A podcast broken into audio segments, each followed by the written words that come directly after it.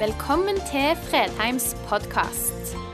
For mer informasjon og ressurser, besøk oss på fredheimarena.no, eller finn oss på Facebook.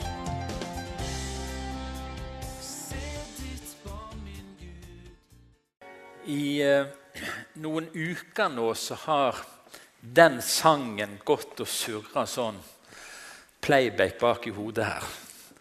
Eh, av en eller annen grunn så har den bare vært en sånn stadig Ikke til irritasjon. Noen sanger kommer, og du blir ikke kvitt dem. De er sånn irriterende.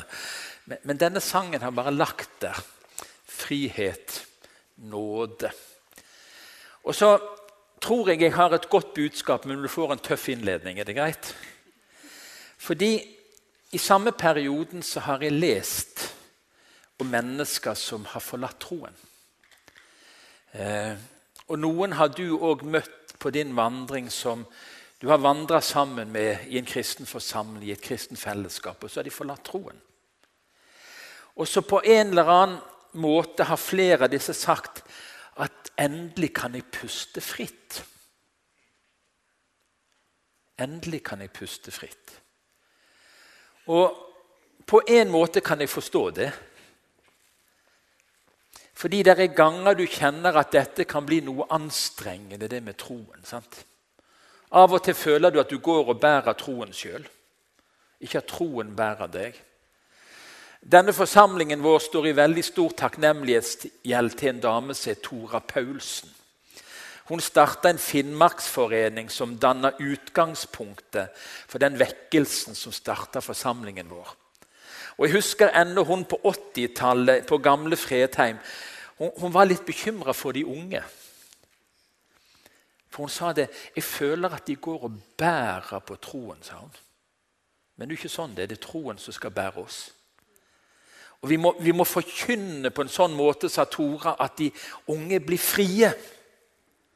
Ikke tynga av å måtte tro og gå og bære på troen. En kjent skribent som heter Bjørn Sterk, som sier seg å være ateist, sier det at nordmenn mister troen på Gud. I stadig større grad så ser vi at det er færre som sier at de tror på Gud. Det forunderlige er at samme mann sier at forskerne mister troen på gudløsheten. Fordi det som skjer, at det blir egentlig mer og mer tro i samfunnet vårt. Mange av disse som kommer til oss fra andre nasjoner, bærer på en tro. Det er en annen tro. Men mange av kristne som kommer fra forfølgelse og vanskelige kår. Så Det er et paradoks i dette at mange på en måte mister troen, men samtidig så er troen si, på full fart tilbake igjen i samfunnet. I det siste så har jeg lest om noen prester som har mista troen og som har gått ut og sagt at det opplevdes som en frigjøring. Og Så tenker vi er det mulig? Ja, det er mulig. Det er klart at En prestetjeneste kan òg være som en byrde. Noe som er tyngende, og det kan bli frigjørende å slippe unna alt ansvaret. En eh, amerikansk metodistpastor, en kvinne, hun gikk ut og sa at hun var blitt ateist. Og ble på en måte en fanebærer inn i den humanistiske bevegelsen i USA. Det var som en boble som sprakk, sa hun. Det var voldsomt befriende endelig å kunne være ærlig med seg selv og andre igjen, sa hun til Fri tanke. Det var befriende. Så møtte hun veggen gikk på en smell skikkelig. Og Gjennom en periode så vokste troen igjen i henne. Så skriver hun jeg trodde nåde var noe du fikk av Gud bare hvis du oppførte deg skikkelig. Jeg spør hva skulle vi med nåde da? Hvis den bare var for de som oppførte seg skikkelig. Men det er helt feil. Nåde handler om betingelsesløs kjærlighet og tilgivelse fra Gud. Det handler om en utstrakt hånd. Det var denne innsikten og opplevelsen som førte meg tilbake til troen. Kanskje var nådebegrepet ikke tydelig for henne tidligere. Nåde er ikke noe du gjør deg fortjent til med å oppføre deg skikkelig. Da trenger vi ikke nåde. Det er ikke ofte Bruce Springsteen blir sitert på talerstolen på Fredheim, men i dag skal du få med deg litt av hans, eh, noe av det som står i hans biografi. I innledningen, i slutten av boken, så skriver han at han står utenfor sin barndoms kirke. Han tenker på alt han prøvde å frigjøre seg fra i mange år. Mange års vandring for å prøve å bli kvitt noe. Frigjøre seg fra noe. Men så står det i slutten av biografien hans Nok en gang sto jeg i skyggen av kirketårnet og kjente tyngden av sjelen i det gamle treet. Vekten av hjembyen min. Og da kom ordene og en velsignelse tilbake til meg. Jeg hadde messet dem fram uten å tenke over det uendelig mange ganger. Så skriver han at det som kom tilbake igjen, var noe av det helt sentrale i troen. Og så beskriver han livet som en gudstjeneste. Han hadde prøvd å bli kvitt noe. Det som opplevdes som et bånd. Men der står han, og så kommer noe tilbake igjen. I dag så handler det om frihet. Og Svein Ove har allerede vært innom Johannes 8, 36.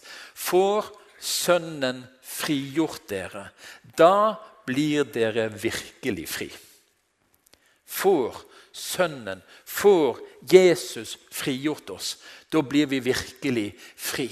Galatane 5,1.: Til frihet har Kristus frigjort oss. Stå derfor fast, og la dere ikke tvinge unn under slaveåket igjen. Til frihet. Og nå kan vi liksom tenke, Hva forbinder vi hvis vi hadde gått på Sandnes og tatt en sånn fem på gaten? Hva forbinder dere med kristen tro? Ja, hva tror dere? Tror dere ordet frihet var det som kom først? Og Hvis vi sa ja, ikke bare kristen tro, men Indremisjonen sin tro, da hva, nei, Da ble det ganske duknakka og pietistisk og et eller annet sånn. Bare nei, ikke storm inn i stua før du har tatt av deg lua. Altså sånn, nei, nei. Hva er det vi forbinder, og hva forbinder du egentlig med troen din? Til frihet har Kristus frigjort oss.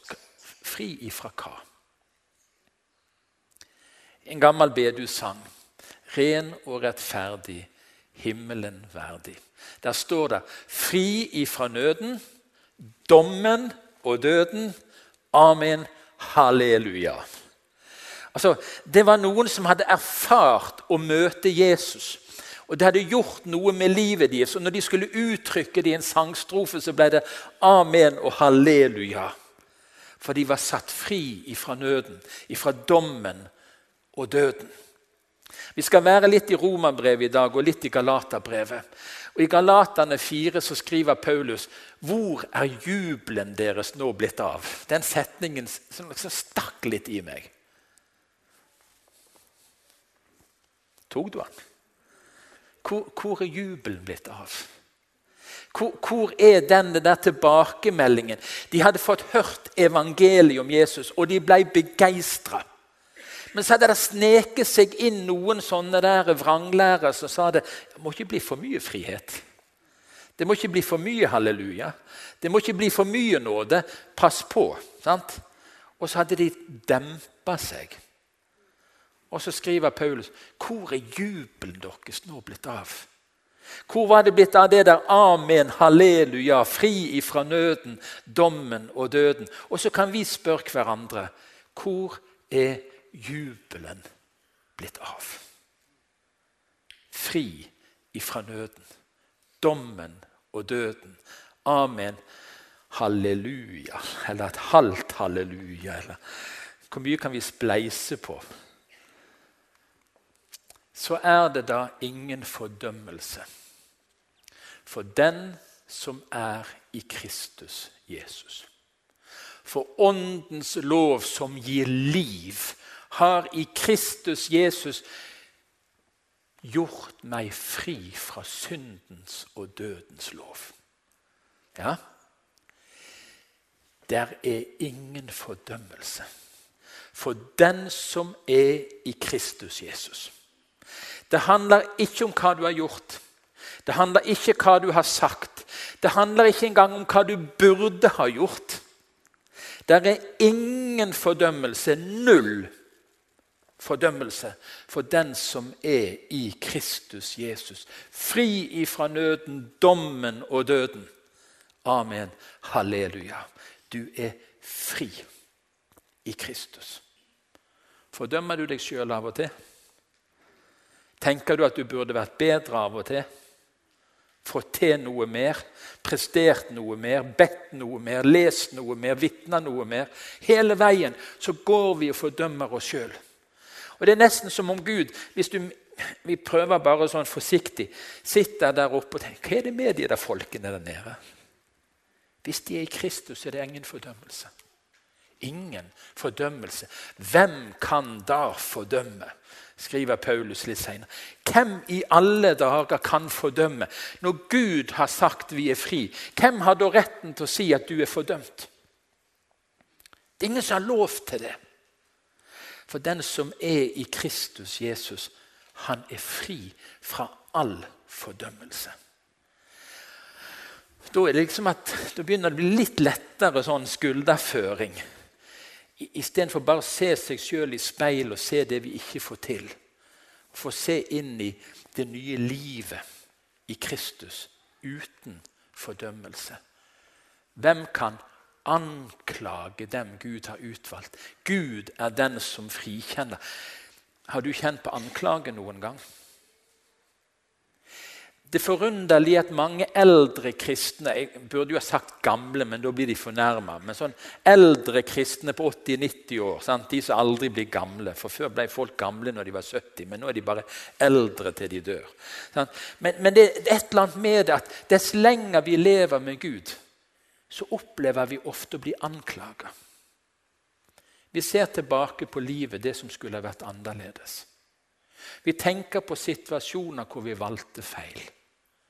Vi ser på situasjoner hvor vi sa noe vi aldri skulle ha sagt, og vi blir minnet om ting som vi skulle ha gjort, som vi ikke gjorde.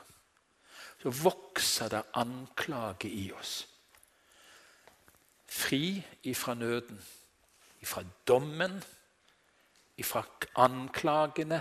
Hvem kan anklage den Gud har utvalgt? Gud er den som frikjenner. Du er ved troen på Jesus frikjent for alle dine tidligere feil og nederlag. Og alle de gode tingene du burde ha gjort, og de er sannsynligvis flere enn de feilene du har gjort. Du er frikjent. Det er ingen fordømmelse for den som er i Kristus Jesus. Men Kristus kjøpte oss fri fra lovens forbannelse da han kom under forbannelse for vår skyld. Og det er noe loven som sier at du skal, og du skal ikke. Vet du hva? Det er slitsomt å leve under loven som et Guds barn. Det er faktisk feil. For vi er altså kjøpt fri fra den forbannelse under loven som sier hvis du gjør det du skal gjøre, hvis du ikke gjør det du ikke skal gjøre, så har Gud behag i deg. Hvem av oss har kjangs til å kjenne på frihet hvis det var loven vi var under? Hvis det var loven som var vårt levested, hvem av oss kunne ha sagt 'halleluja, min sjel er fri' da? For vi kunne alltid ha gjort noe bedre, og det var noe vi skulle ha latt være å gjøre. Vi ville stadig vært fordømt. Men Kristus kjøpte deg fri fra lovens forbannelse. Så når du går og kjenner på det der, så, så kan du si Vet du hva? Jeg vet du Det er noe rolls med følelseslivet mitt her. Det er ikke helt samstemt med Guds ord. For Bibelen sier jeg er kjøpt fri. Den forbannelsen kan jeg adressere et annet sted. Jeg kan adressere den til et kors. Hvor Jesus kom inn under forbannelsen i mitt sted. og i ditt sted. Han blei forbanna. Han gikk inn under lovens forbannelse. Han tok på seg all synd og all skyld og all straff. Og han betalte det en gang for alle på korset, så vi er fri. Du er fri. Det er ingen fordømmelse. Ingen lovens forbannelse som lenger virker i våre liv. Fri fra hva? Dette som vi kommer inn på nå, det, det er litt krevende. Jeg innrømmer det. Dette er litt heftig. Derfor, søsken, skylder vi ikke vårt kjøtt og blod noe. Slik så vi skulle leve slik det vil. Nå begynner det å bli litt vanskelig, sant? for du har kjøtt og blod.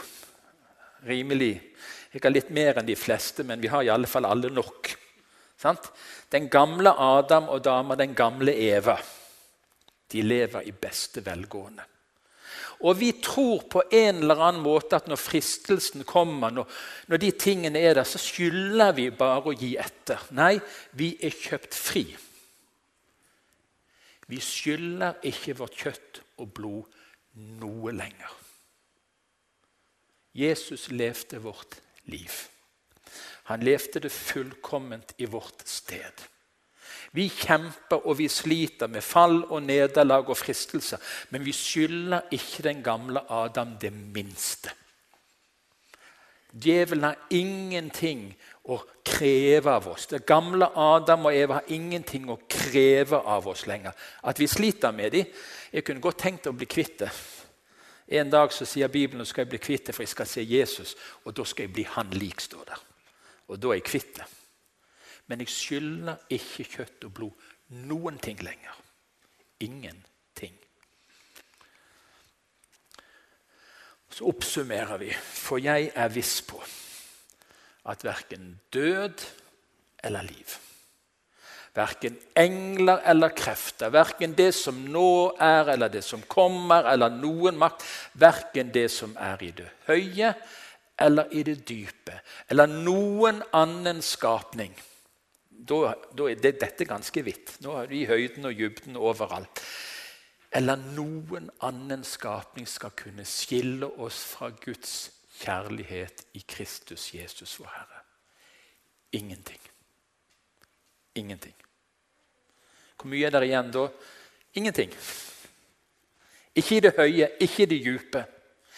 Ingen makt og ingen myndighet kan noen gang lenger skille oss fra Guds kjærlighet.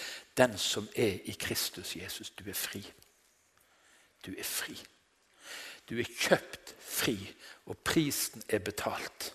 En gang for alle på korset. Og så er spørsmålet hva blir vi fri til da?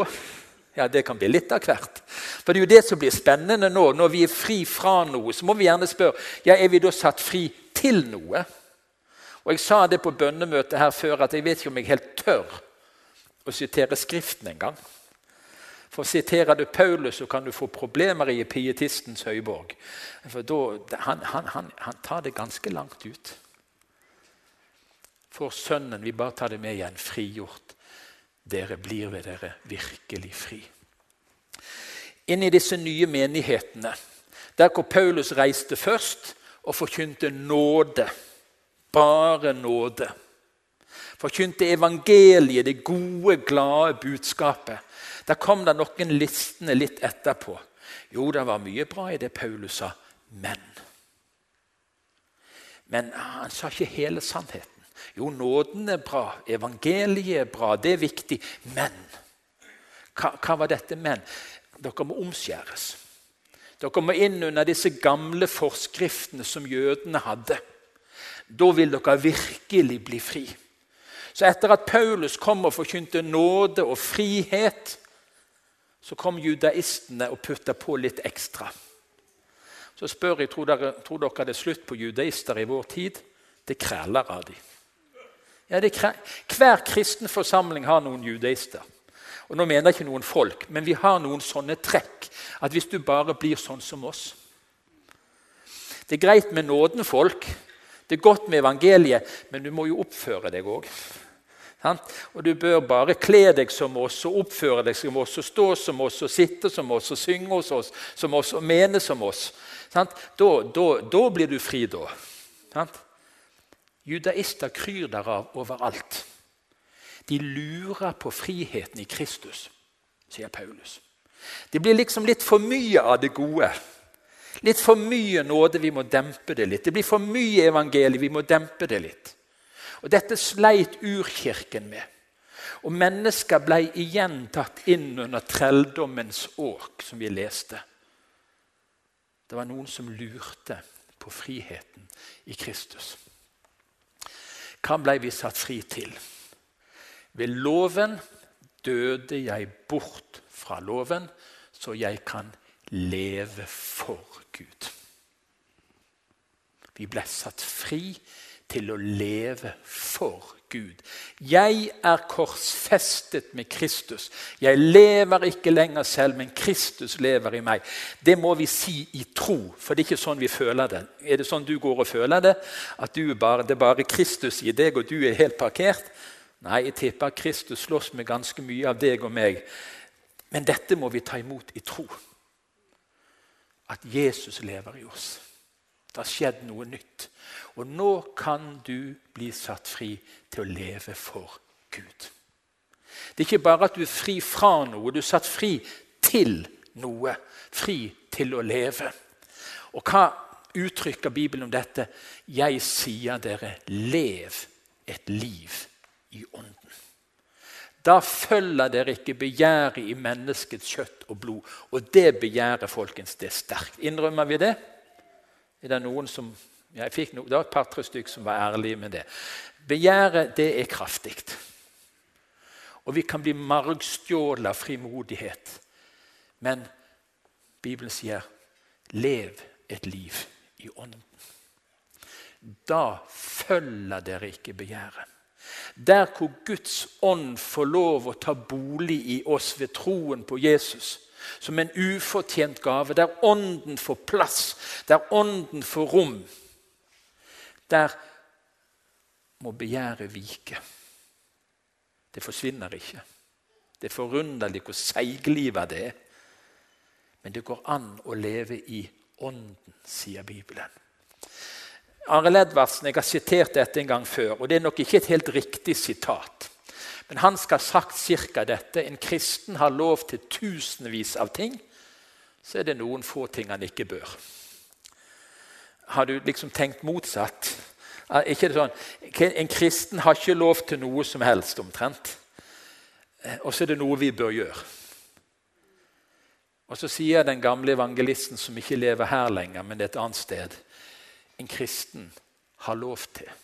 Tusenvis av ting. Hva vi er frie til ved troen. Dette her er ganske sterkt. Hør hva det står. Jeg har lov til alt. Det var dette jeg var litt usikker på om jeg tørde å ta med. For dette begynner å bli litt sånn Jeg har lov til alt, men ikke alt tjener til det gode. 'Jeg har lov til alt'. Det lærte ikke jeg da jeg var liten. Nå skal jeg innrømme det. Jeg lærte ikke det. Jeg vokste opp i et hjem med en far som forkynner, og han var ikke streng. Han var ganske streng på talerstolen, men som far var han veldig snill. Men det var likevel ikke alt jeg fikk lov til. Og På søndagsskolen var det enda mer jeg ikke fikk lov til. For der hadde vi en søndagsskolelærer. Han var, han var litt strengere enn min far. Og så blander vi inn vår oppdragelse i evangelien og nådens budskap. Så blander vi disse menneskelige tingene sammen på en måte som gjør at livet vårt med Gud begrenses. Men så sier Bibelen 'Jeg har lov til alt'. Men ikke alt tjener til det gode. Jeg har lov til alt, men jeg skal ikke la noe få makt over meg.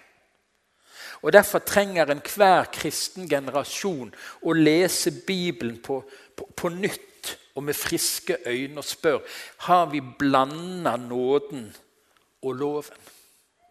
Har vi tatt med oss noe fra judaistene inn i vår måte å tro og tenke på?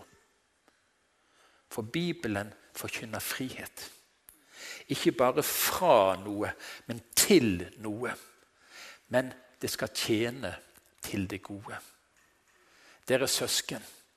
Og Paulus òg måtte på en måte gi litt sånn Følg med, folkens. Dere søsken er kalt til frihet. La bare ikke friheten bli et påskudd for det som kjøtt og blod vil, men tjen hverandre i kjærlighet. Og denne kristne friheten har et rammeverk, og hva er det? Det som tjener andre i kjærlighet. Du kan ha lov til noe som du lar være å benytte fordi du vil tjene andre. Det kan være situasjoner hvor vi begrenser vår kristne frihet for at andre mennesker skal bli hjulpet. Kjærligheten til andre gjør at vi legger bånd på oss. Men da er det frihetens lov vi står under. Det er ikke den gamle loven 'du skal, du skal ikke'. Det er en ny lov som gjelder frihetens lov. Evangeliet og nådens budskap som gjør at vi i kjærlighetens navn la være å bruke vår frihet. Men åndens frukt, hva er vi frie til? I kjærlighet. Glede, fred, overbærenhet, vennlighet, godhet, trofasthet, ydmykhet og selvbeherskelse. ikke det flott? Hva er det vi ikke har lov til da? Vi har lov til kjærlighet. Vi har lov til glede. Vi har lov til fred, overbærenhet, vennlighet og godhet. En kristen har lov til tusenvis av ting. Og det siste bibelverset. La oss ikke bli trette av å gjøre det gode. Så la oss gjøre godt mot alle så lenge det er tid, og mest mot dem som er vår familie i troen. ikke det nydelig? Hva har vi lov til? Å gjøre godt mot alle. Hjertebanken. En gruppe med personer som trenger hjelp på Gandal. Vi har lov å gjøre godt mot alle. Mot alle. Som frie, nye mennesker skapt i Kristus til frihet, så vi, er vi skapt til å gjøre godt. Og Så kommer den lille tvisten der, men mest mot dem som er vår familie i troen. Så skal vi få lov å være et fellesskap hvor vi hegner om hverandre hvor vi løfter og støtter og oppmuntrer hverandre. Hvor vi er der i gode dager og i vonde dager for hverandre. Det er frihetens lov, skjønner du. Det er åndens nye liv. Frihet. Bare frihet. Nåde. Bare nåde. Din død ble min frihet. Din død, Jesu død, ble din frihet.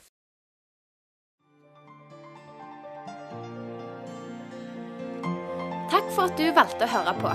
Nye opptak legges ut hver uke.